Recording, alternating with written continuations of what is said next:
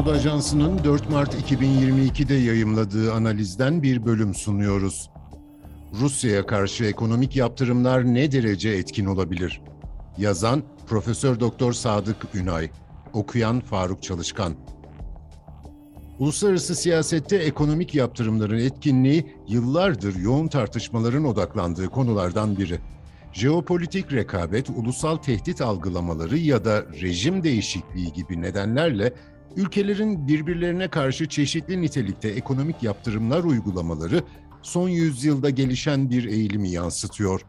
Yaptırımlar genellikle ulusal ekonomik sistemler arasında normal zamanlarda geçerli olan üretim, ticaret, finans, bankacılık, teknoloji ya da insan kaynakları etkileşimlerinin belli bir süreliğine kısıtlanmalarına ya da tamamen askıya alınmalarına dayanıyor. Ayrıca ulusal ve uluslararası düzeyde etkili şirketlerin iş insanlarının ve sermaye gruplarının hedef alınmaları da söz konusu olabiliyor.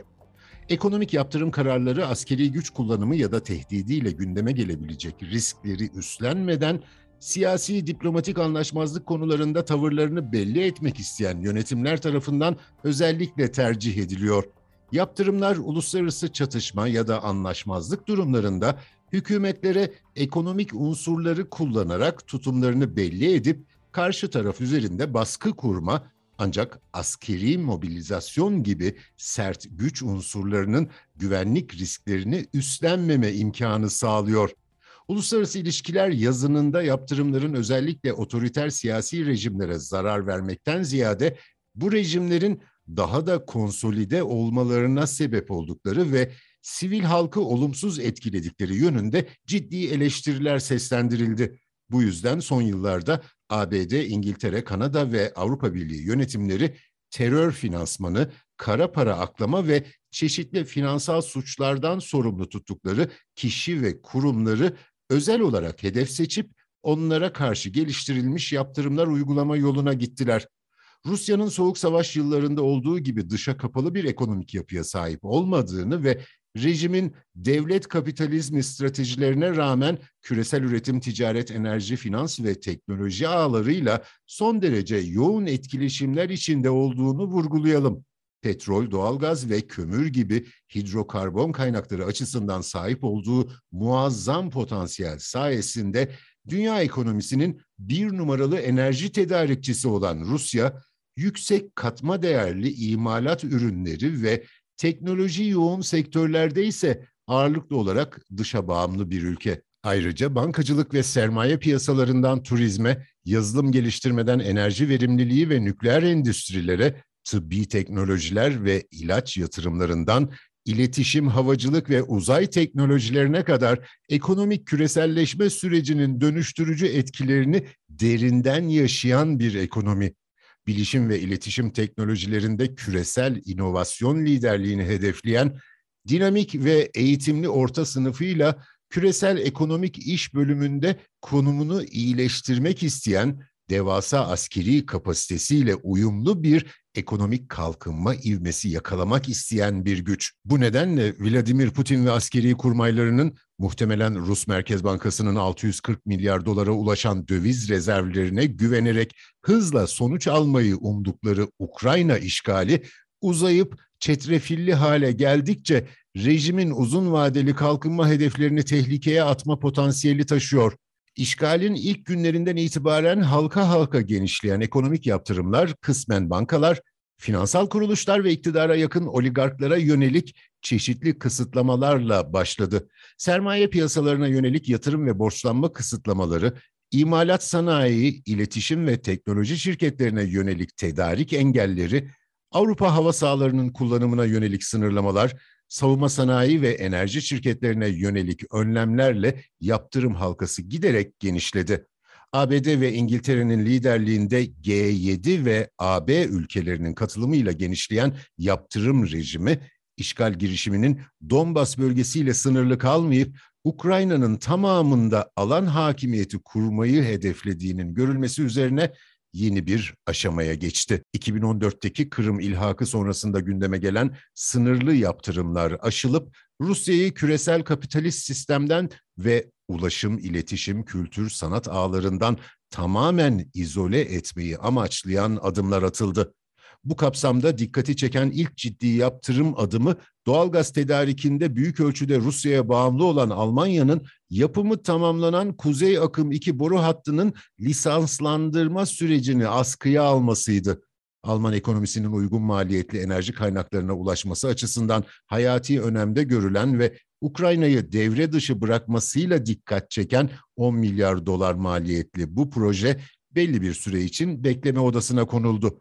Dünya ekonomisi ve Avrupa Birliği için kusursuz bir enerji krizinin tam ortasında alınan bu kritik karar Rusya karşısında bu defa kapitalist dünyanın ortak bir duruş sergilemeye çalışacağının ilk göstergesiydi. Ardından savaşın başından itibaren ABD Başkanı Biden tarafından dillendirilen ancak uygulamaya geçirileceği konusunda ciddi şüpheler bulunan Rus bankalarının uluslararası SWIFT sisteminden dışlanması adımı geldi. SWIFT ya da Dünya Bankalar Arası Finansal İletişim Topluluğu merkezi Belçika'da bulunan ve 1970'lerden beri başat bankalar ve sermaye kuruluşları arasında kurumsal iletişimi sağlayan uluslararası bir platform.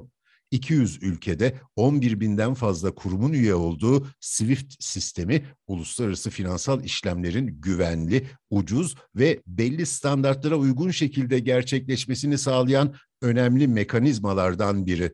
Rus bankalarının enerji ödemeleri dışında bu sistemden dışlanmaları uluslararası finans ve ticari ilişkilerde büyük önem taşıyan ödeme mekanizmalarına erişimlerinin büyük ölçüde engellenmesi manasına geliyor.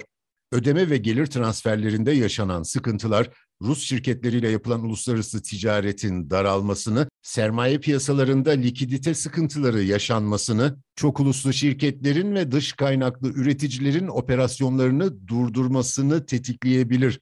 SWIFT sisteminden dışlanma adımı Rusya'nın son 30 yıldır sürdürdüğü ekonomik finansal küreselleşme girişimlerinin ana sütunlarından birinin devre dışı bırakılması anlamını taşıyor. Başta Siberbank olmak üzere Rus bankalarının yurt dışı piyasalarda operasyonlarını durdurmaları ve hisselerinin değersizleşmesi de ileride yaşanabilecek zorluklar hakkında fikir veriyor. Rus ekonomisi üzerinde yapılan stres oluşturabilecek bir diğer yaptırım adımı Rus Merkez Bankası ile yapılan tüm finansal işlemlerin yasaklanması oldu. ABD, İngiltere, Kanada ve AB ülkeleri Rus Merkez Bankası ile yapılan tüm finansal işlemleri askıya alarak bir anlamda Rus hükümetini kendi döviz rezervlerini kullanamaz duruma soktu. Merkez Bankası'nın döviz rezervlerinin önemli bir bölümü muhabir bankalarda ya da muhatap merkez bankalarında dolar, euro, sterlin, yen gibi para birimleri üzerinde tutulan varlıklar. Yaptırım kararlarıyla birlikte Rus Merkez Bankası rezervlerinin yaklaşık yüzde yetmişi üzerindeki tasarruf yetkilerini kaybettiği için rublenin değer kaybını engellemek üzere bu kaynakları kullanabilmesi mümkün olmaktan çıktı. Rublenin tüm küresel para birimleri karşısındaki değer kayıpları devam ederken Rusya'nın ülke risk priminin rekor düzeylere çıkması ve ülke temerrüt riskinin yüzde 56 düzeyinde hesaplanması ekonomik durumun ciddiyetini ortaya koyuyor. Uluslararası yatırımcılar hisse senedi, tahvil, bono yatırımlarını hızla elden çıkarmak isterlerken Moskova borsasının muhtemel bir çöküşü önlemek üzere açılmaması ve Merkez Bankası'nın politika faizini yüzde dokuz buçuktan yüzde yirmiye çıkarması da tansiyonu düşürmek için yeterli olmamış gibi görünüyor. Ukrayna işgalinin uzamasına bağlı olarak enflasyon oranlarında kontrolsüz yükselişler, şirketler arasında kredi, borç, ödeme sorunlarının yaygınlaşması, seri iflaslar, bankalara yönelik kitlesel hücumlar ve dar gelirli kesimler için refah kayıpları söz konusu olabilir. Elbette Rusya'nın en önemli gelir kaynağı ve yumuşak karnı olan enerji gelirleriyle ilgili yaptırımlar dünya ekonomisi ve diğer ülkeler üzerindeki potansiyel olumsuz etkileri ışığında en son halkada gündeme gelebilecek önlemleri temsil ediyor. Ancak büyük enerji şirketleri üzerinde uygulanan sermaye transferi kısıtlamaları ve BP, Shell gibi endüstri devlerinin tek kalemde 25 milyar dolar gibi devasa zararları göze alarak Rus ortaklıklarını bitirme kararları almaları bu tarafta da önemli gelişmeler olabileceğine işaret ediyor. Vladimir Putin soğuk savaş yıllarını hatırlatan sert güç kullanımıyla stratejik hedeflerine ulaşmaya çalışırken ekonomik çıkarları ve ulusal hesapları nedeniyle uzlaşamayan kapitalist batılı ülkeler arasında eşine az rastlanan bir dayanışma ortamını tetikledi. Kırım'ın ilhakından bu yana uluslararası yaptırımlarla birlikte yaşama stratejileri geliştirip sermaye teknoloji kısıtlamalarına karşı kapasite oluşturan büyük Rus şirketlerinin ağırlaştırılmış yaptırımlara nasıl tepki verecekleri zaman içinde görülecek.